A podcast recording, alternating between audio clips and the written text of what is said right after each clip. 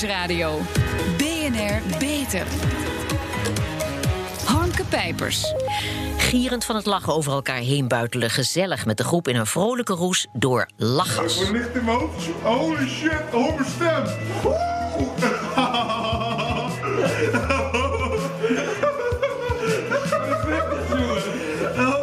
Zo, als ik ga praten. Oh, fuck. Oh, fuck, fuck. Wat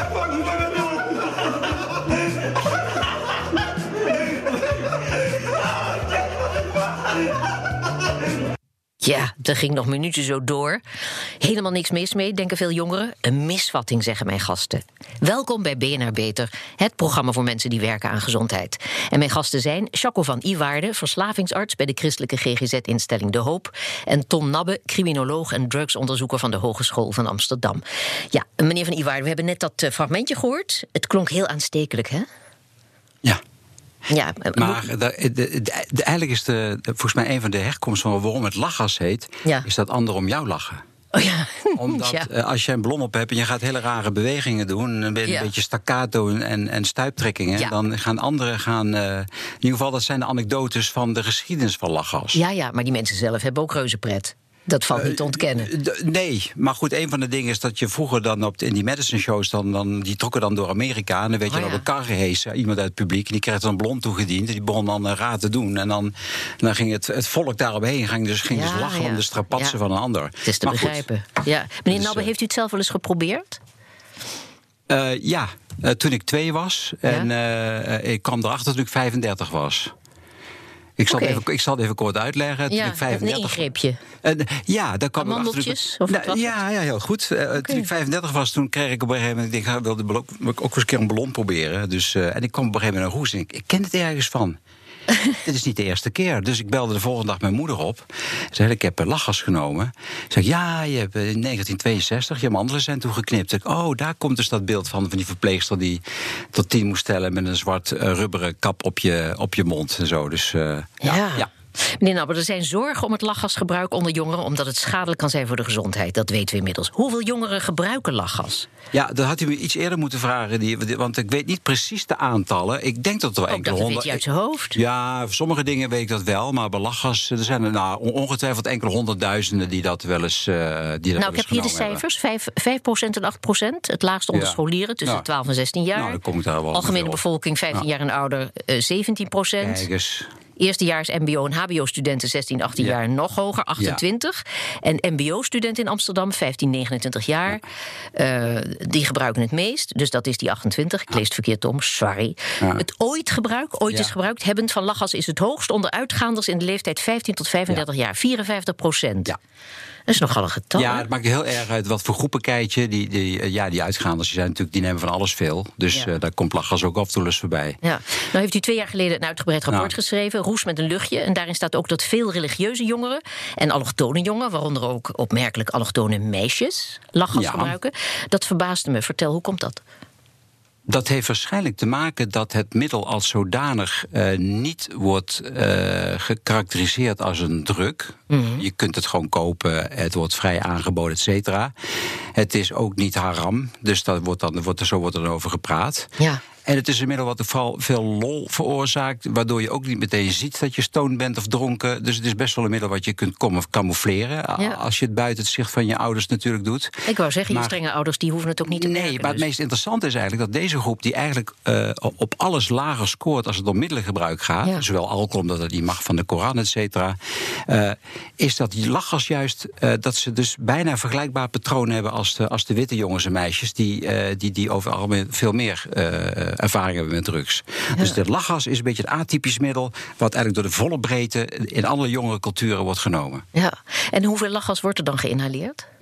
Dat Hoeveel ligt, ballonnetjes? dat ligt eraan wat voor groep het is, eh, waarom ze het doen, et cetera. Maar neem maar aan, ongeveer, dat weet ik wel dan uit onderzoek, eh, zeg maar iets van eh 80% zit onder de vijf ballonnen. En Mhm. dan gaat het echt om, om, om, om experimenteel, bijna incidenteel gebruik.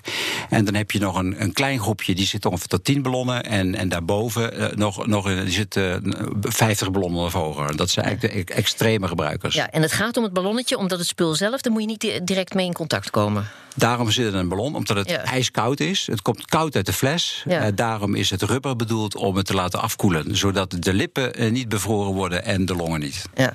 En, en wat is lachgas precies? Ja, dat is gewoon een, een, stikstofverbinding. Dus Ja, ja. Dat is een, eh, het is al een heel oud middel. Het bestaat al iets van 250 jaar. Ja, al toegepast toen u klein was, hè? En nu in de Ja. horeca voor slagroom voornamelijk. Ja, het heeft hele brede toepassingen. Het wordt voor eh, industrie gebruikt. Het zit ook in, de- in de, in, in de race-industrie, de racemotoren, om, om, de, om de motor sneller te laten optrekken. Het zit in, in de, in de auto-industrie, eh, in de voedingsmiddelenindustrie. Dus het is best wel een, een, breed middel. Ja. Ja. Eh, heel veel van die slagroompatronen zijn op straat te vinden. En, en dan hele bergen bij elkaar. Dus er wordt flink wat geïnhaleerd. Wanneer wordt het gevaarlijk voor de gezondheid?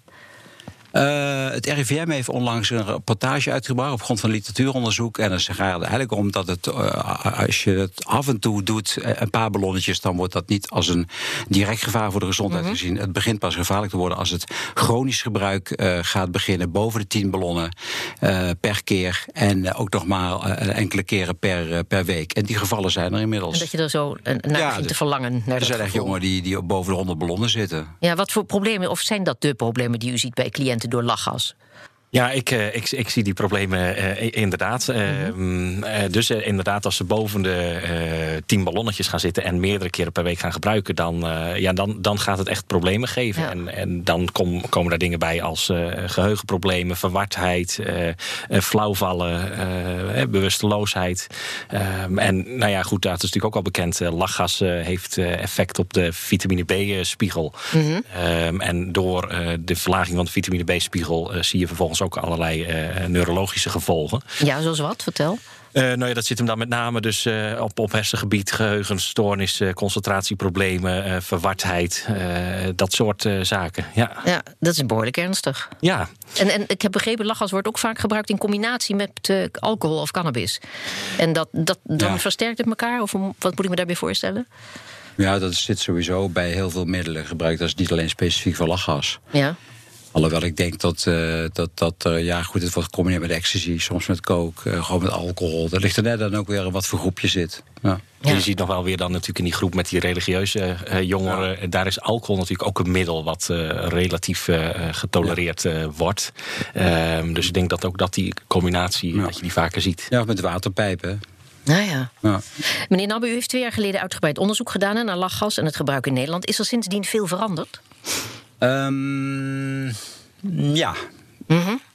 Maar, In welke zin? eh, nou, kijk wat er verandert. We hebben geadviseerd om eh, eh, twee punten. Om te kijken of de overheid wat meer kan doen aan het aanbod van, van de patronen.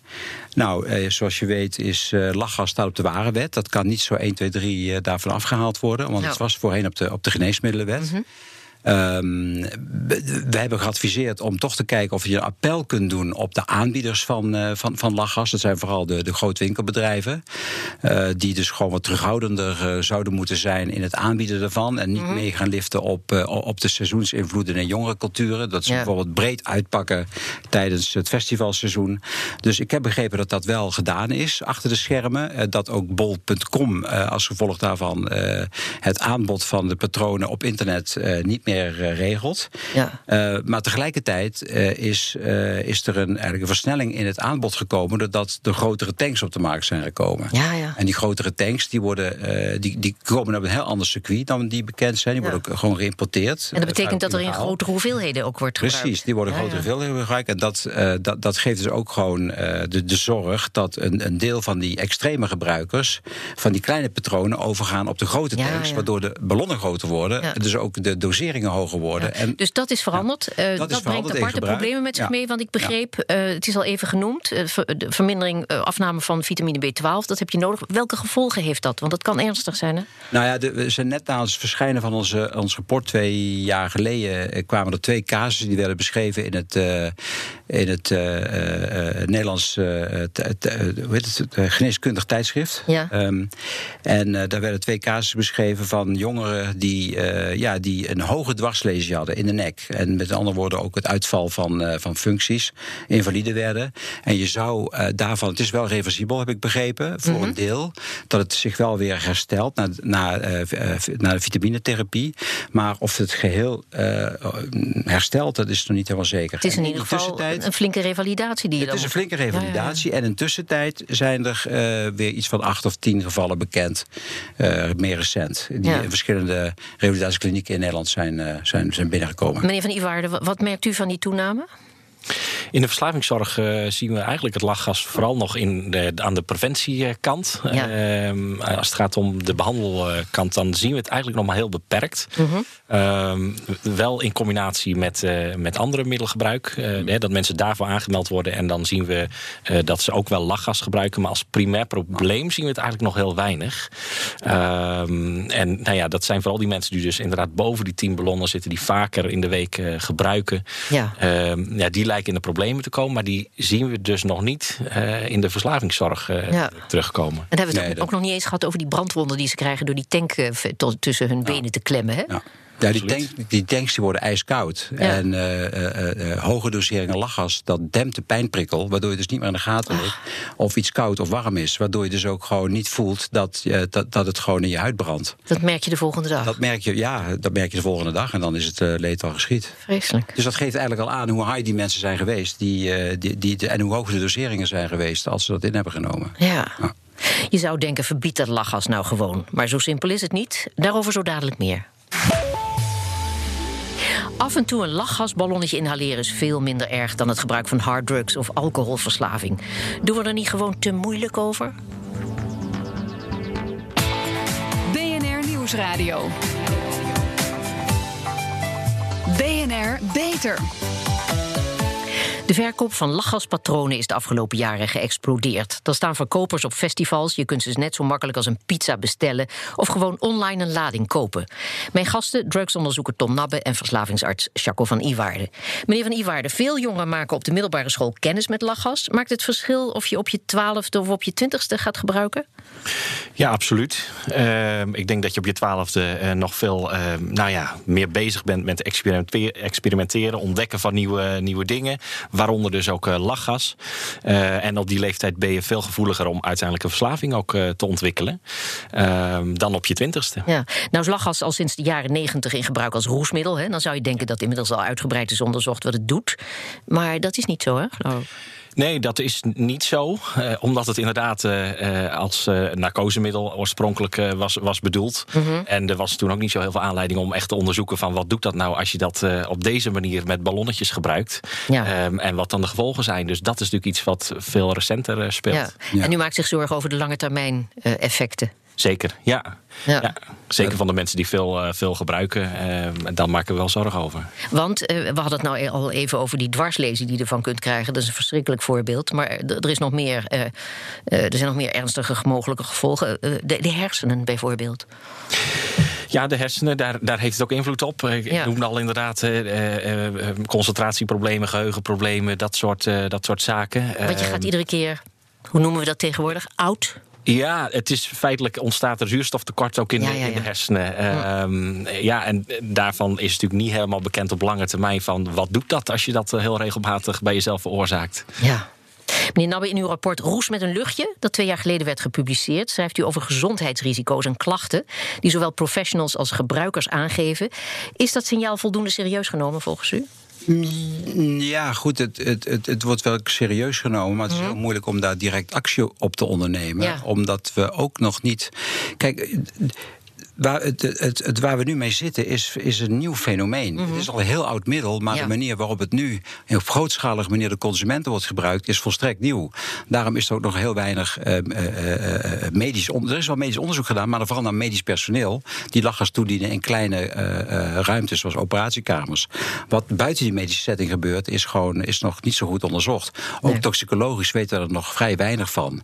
Dus natuurlijk wel alert blijven. Ik denk wel wat zou kunnen helpen, is dat als je nu eh, als, als street corner worker, ik noem maar iemand of jongerenwerker, jongeren tegenkomt die beginnen over tintelingen in de uiteinden van de vingers en de Ja. tenen, dan is dat wel een signaal dat ze al behoorlijk wat hebben genomen. Want vaak is dat al een, al een voorbode voor, eh, voor ernstige eh, kwalen en Ja. klachten. Aan de andere kant, we kunnen ook zeggen, waar hebben we het over? Doen we natuurlijk niet echt. Maar als verslavingsarts ziet u mensen die aan harddrugs of alcohol verslaafd zijn. De meeste lachgasgebruikers gebruiken af en toe. Bovendien is het maar een roesje. Doen we niet te moeilijk? Nee, we doen niet zo moeilijk. Dat is waar. In mijn werk zie ik eh, inderdaad mensen die harddrugs gebruiken. En dat heeft natuurlijk eh, enorme gevolgen. Ja. Maar nou ja, we hebben het er al eerder over gehad dat lachgas eh, door hele grote groepen jongeren wordt eh, gebruikt. Ja. Ehm, nou ja, de gevolgen, daar hebben we het over gehad. Ja. Ehm, en op lange termijn zijn de gevolgen niet bekend. Dus nee, ik denk niet dat we dat Nee. te moeilijk doen. Het probleem is serieus genoeg. U gaat er opnieuw een onderzoek aan wijden. Wat gaat u deze keer onderzoeken? Ehm, nou, wat we toch nog willen gaan doen is eh, vooral eh, eh, onderzoek doen in, in, in, in, in, in, de grote steden. En dan vooral in de buurten waar, waar, waar toch wel extreem of eh, excessief gebruik wordt. Eh, en daar wat meer gaan kijken naar, eh, naar het gebruik, naar de gebruikspatronen. Ook de, de- ook de mensen zelf interviewen en observeren. En toch te kijken, wat nou kun je nou... Want dat zijn ook goed de groepen die eigenlijk het, het, het, het minst bereikt worden door de voorlichting. Daar hebben ze nog niet echt een tool voor ontwikkeld. Ja, ja. Om te kijken, hoe kun je nou interveneren... en hoe kun je er nou eh, bijkomen. En, Het is ook en- een en behoorlijk diverse groep, hè? Het is een hele, en ze staan ook niet echt bekend als, als drugsgebruikers. Nee. Dus dat zit voor deel ook eh, eh, hier in Amsterdam althans, langs de randen van de stad, in de buitenwijken. Ja. Eh, dus dat is wel een uitdaging om te kijken of je daar wat meer grip op kunt krijgen. Aan de andere Ja, kant. waar zich kennelijk grootscheeps verveelt. Want dan ja, hoeft je dan- dus naar de slagroompatroon. Nou, hoeft nog niet eens. Kan ook vanuit lol of ri- vanuit ritueel. Ja, precies. Ja, dus dat is ook gewoon een ritualisering van, van elk middel. Of het nou Ja. een sigaretje is, of je eerste, of je eerste biertje. Ja. Daarnaast denk ik wel dat het ook interessant is om te, toch eens een keer kijken naar die markt. Want daar waar er nog heel veel eh, aanbod is, Mhm. je zou het eigenlijk aan twee kanten kunnen doen. Aan de ene kant naar die consument, en aan de andere kant naar die, naar die markt. Eh, omdat gewoon eh, de, de, de tanks die momenteel binnenkomen, dat is toch wel een behoorlijk volume. Ja. En dan kun je daar niet op acteren als, als overheid om, om daar wat meer strenge regelgeving Ja, rond, eh, t- toch meer bekendheid aan de ernstige gevolgen. Ja. Ook al zijn ze niet, Ja.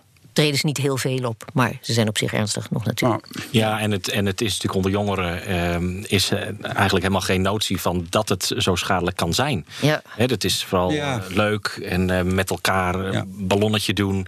Eh, zo wordt het ook op internet Ballonnetje natuurlijk aange, aangeprezen. Ja, maar daar blijft het ook vaak bij. Hè. Kijk, voor, of, laten we wel wezen, het merendeel van de, van de gebruikers is gewoon experimenteel gebruikt. Dat Ja. een paar keer en dan, gaan, dan, dan is het weer voorbij. Het is vooral die kleine groep die, eh, die volop doorgaat en steeds meer neemt. Ja. Meneer Van Iwaarde, vindt u dat lachgas verboden zou moeten worden? Nou, ik vind in ieder geval dat daar eh, strengere regelgeving eh, eh, zou moeten zijn. Ja. En dan, eh, ja, nou ja, goed, wat eh, Ton ook al noemde, je kunt dan denken aan eh, het beperken van de verkoop, kleinere hoeveelheden, of inderdaad die hele grote eh, flessen, zeg maar, eh, dat je die in ieder geval verbiedt. Ja. Ehm, hè, dus dat je het veel meer reguleert. Dat, eh, ik denk dat dat, dat belangrijk is. Ja, meneer Nabbe, op steeds meer festivals wordt de verkoop verboden. Ja. Dat verbaast me, hè, want de overheid die verbiedt het niet. Festivalorganisatoren wel. Eh, eh, en daar bent u het mee eens? Nou ja, ik, ik denk dat ook niet elke organisator blij is met, eh, met, met, met de discussie die nu ontstaan is. Er begint Mhm. toch wel een beetje een, een, een kanteling te komen van een pretmiddel naar een, naar een probleemmiddel. Ja. En het is de vraag Alweer een of- of probleemmiddel. elke- Ja. Ja. er zijn natuurlijk heel veel problemen. Er is nog steeds heel veel pret hoor, daar niet van. Maar ik denk toch tot, tot ook wel organisatoren ook wel een verantwoordelijkheid daarin nemen. En ook vinden dat ze dat nou niet per se moeten aanmoedigen op hun eigen feest. Ja. Dat begrijp ik op zich wel. Ja, meneer Van Iwaarde, de lachgaspatronen zijn heel makkelijk verkrijgbaar. Dat vertelde we al. Hè? Want hoe ziet die markt eruit? Heeft u daar goed inzicht in? Ja, het is inderdaad heel makkelijk verkrijgbaar. Je kunt Ja. gewoon online, eh, je tikt het in en het wordt, eh, het, het wordt aangeprezen. Het is inderdaad bijna net zo makkelijk als een, als een pizza bestellen. En Ja. eh, nou, in de, in de, de bijgevoegde fora zeg maar, kun je lezen dat het ook niet schadelijk is. Dat dat onzin is. En ja, je kunt dus heel makkelijk gewoon online van die, van die patronen bestellen. Er staat dus heel onvolledige informatie op. Ja, klopt. Ja, dat snap ik ook wel. Er want, staat eh, ook informatie op op de niet-slagroomgebruikers, zou ik maar zeggen.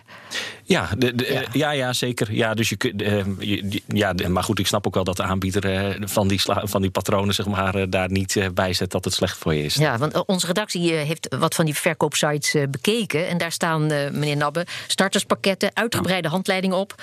Alleen maar positieve effecten, weinig waarschuwingen.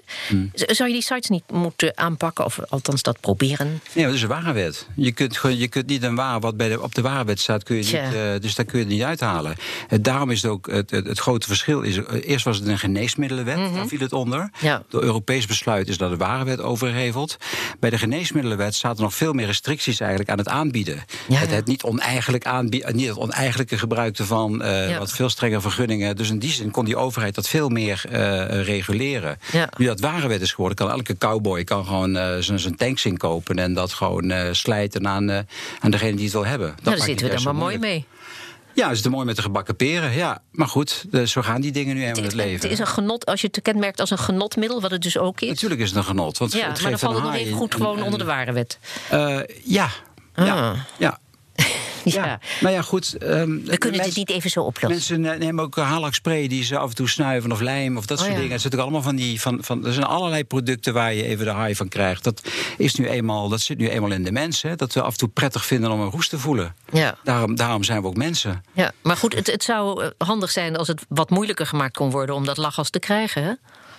Ja, absoluut. Ja. Eh, Ik denk dat dat, eh, denk dat dat belangrijk zou eh, is. En dus inderdaad Ja. alleen maar die kleine doseringjes. Kijk, als verslavingsarts denk ik dan van ja, het is, het is, het is misschien inderdaad zo leuk om af en toe een roest te ervaren. Aan de andere kant denk ik soms, waarom zou je doen als je deze gevolgen kent? Zeg maar, Ja. waarom zou je dit dan doen? Ehm, en ik denk maar dat die zijn dat te is, weinig bekend, dat is duidelijk. Nou ja, en dat is denk ik naast de Dus maatregelen deze die we, die we net. 26 eh, keer herhalen, stel ik voor. Nee, maar eh, weet je, ik denk dat het ook belangrijk is om bij, bij onder jongeren ook gewoon Mhm. die informatie te geven. Want die, die is er nu helemaal niet. Ik denk dat het ook belangrijk is om gewoon uitleg te geven van wat zijn dan de risico's. Ja. Zodat jongeren in ieder geval weten ook van waar Ja, ze en als, je, aan en als je dat dan doet, want ik neem aan dat eh, die situatie zich al voor heeft gedaan, u staat dat uit te leggen dan? Ja. Nou, dan zie ik dus wel, maar dat geldt ook voor andere middelen. Als je daar eh, wel uitleg over geeft, dan is het natuurlijk niet zo dat iedere jongere dan plotseling besluit: ik doe nooit meer lachgas. Nee. Maar dat zet wel tot nadenken. Ja, ze schrikken toch. Ja, maar goed, de, de, de, de echte minderjarigen, want daar gaat het eigenlijk de discussie over. De echte minderjarigen, ja. De, de, de minderjarigen. Ja. Ja. want daar gaat eigenlijk de discussie over. Kijk, die, die, die jongvolwassenen, die, dat, dat kennen we al vanaf de jaren negentig, Mhm. dat die aan de ballon zitten. Die minderjarige groepen, die hebben ook veel minder een connectie met, eh, met de voorlichtingsstructuur. De enige voorlichting die ze hebben is de clipcultuur. Ja, ja. Daaraan wordt vooral eh, de zegeningen van het gas wordt daar bezongen. Op allerlei vrolijke manieren. En dat is verder prima. Alleen dat is eigenlijk hun enige, hun enige informatiebron. Dat is, dat is eigenlijk verder, ja, ja, de clip en, en de, en, en de, eh, de, de Snapchat-cultuur. Waarin, eh, waarin jongeren elkaar filmpjes doorsturen. En ja, ik denk dat je daar nog wel een slag in kunt maken. Om misschien te kijken, zijn er niet, geen rolmodellen die op een gegeven moment ook gewoon. eh, Ja. ja. toch ook wel die andere kant van het. eh, van, Ja. van, van, of, van of misschien moet dat in een of ander modieus eh, eh, tot hen komen vanuit het buitenland. Eh, eh, wordt lachgasgebruik in andere landen al als probleem gezien? We hebben in, in, in, in Engeland hebben we vergelijkbare delen, ook in Londen, waar veel lachgas wordt gebruikt. Maar is, het, ik, ik denk dat het voor, vooral een Nederlands-Belgisch eh, eh, middel is. Door lachen ze over de hele wereld. Het heeft ook aan te maken met culturen, met, eh, met, met jongere culturen, met gebruik, met aanbod. Dat, dat kan zich natuurlijk wel verplaatsen, maar we zien het vooral hier eh, vooral. Ja, heeft u nog enige verwachting wat betreft maatregelen de komende jaren? Of moeten we dat maar zitten uit, uitzitten? Nee, ik denk dat daar zeker wel eh, eh, Nou, de- maatregelen getroffen gaan worden. Nou, daar is wel enige zorg over. En er komt ook binnenkort ook weer een nieuwe risicobeoordeling eh, op hoog niveau. Om toch weer eens te kijken, nou, wat hebben we nu allemaal in, in, aan informatie? Ook in Amsterdam wordt er naar gekeken. Mhm. Eh, kijken, hebben de huidige instrumenten, zijn die voldoende? Moeten we toch eh, gaan, eh, moeten we het beter in kaart gaan brengen? Moeten we nog alerter reageren, et cetera? Dus er is wel, wel degelijk eh, wordt gevolgd. Er moet nog een hoop gebeuren, dat is duidelijk. Hartelijk dank Ton Nabbe en Chaco van Iwaarde. Pioniers in de zorg. Onze zorgredactie speurt naar interessante medische innovaties binnen en buiten de muren van de universiteit. Waar werken ze aan en wat moeten wij hierover weten? Rebecca van Dam, dit keer een doorbraak uit België in het onderzoek naar acute bloedkanker bij kinderen. Ja, door twee Vlaamse onderzoekers die al heel lang onderzoek naar doen. Het opmerkelijke is, er bestaat dan een effectieve behandeling voor deze zogenaamde T-cel, acute lymfoblastische therapie, een hele mond vol. Dus waarom dan onderzoek naar een andere behandeling, zou je zeggen? Daar is een goede reden voor, vast. Vertel. Nou, zeker. Kinderen met deze vorm van leukemie krijgen chemotherapie en in de meeste gevallen genezen ze. Maar de therapie maakt veel meer kapot dan alleen die kankercellen. Dat geeft heel veel bijwerkingen op de lange en de korte termijn, zoals hartklachten, zenuwschade, groeiproblemen en verminderde vruchtbaarheid. Ja, dat zijn hele nare bijwerkingen. Daar is wat aan te doen? Jazeker. De wetenschappers hebben een therapie ontwikkeld die ingrijpt op het eiwitcomplex dat het kankergen actief maakt. Door dat eiwit af te remmen stop je ook het kankergen. Maar daarmee waren ze er nog niet, want helaas gaf die therapie ook hele nare bijwerkingen, bijvoorbeeld maag- en darmproblemen.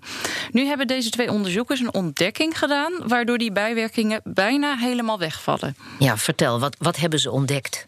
Ze hebben de vorm die extreem actief is en die kankercellen uh, hebben ze geselecteerd, zeg maar een apart deeltje. En die ene vorm die kunnen ze nu afremmen en daarnaast kunnen ze ook woekering van leukemiecellen stoppen. Doordat al die andere deeltjes nu ongemoeid worden gelaten, vallen al die vervelende bijwerkingen die vallen weg. Ja, dat, dat, is inderdaad heel positief nieuws, vooral voor patiënten. Zijn we daar al aan toe? Want hoe gaat het nu verder? Nou, dat is nog niet helemaal duidelijk, want een doorbraak in het onderzoek is natuurlijk nog niet gelijk een doorbraak in een nieuwe behandeling. De fonds is nu alleen toegepast bij muizen in een laboratoriumomgeving en er is flink wat geld nodig om die nieuwe rebbers nu vlot te ontwikkelen en te testen. Tegelijk, de onderzoekers verwachten dat de ontdekking ook deuren opent voor andere vormen van kanker en misschien zelfs voor Alzheimer. Dus daar daar gaan we zeker meer van horen. Ja, Fantastisch nieuws, toch wel. En gauw van die muizen naar mensen. Ik ben benieuwd. Dankjewel, Rebecca van Dam. Tot zover deze uitzending van BNR Beter. Op bnr.nl slash beter is deze uitzending terug te luisteren... of on demand via de BNR-app, Spotify of iTunes. We zijn ook op Twitter te vinden onder BNR Beter. Dus heeft u tips voor ons, laat het ons vooral weten. Ik ben Harmke Pijpers. Graag tot een volgend spreekuur.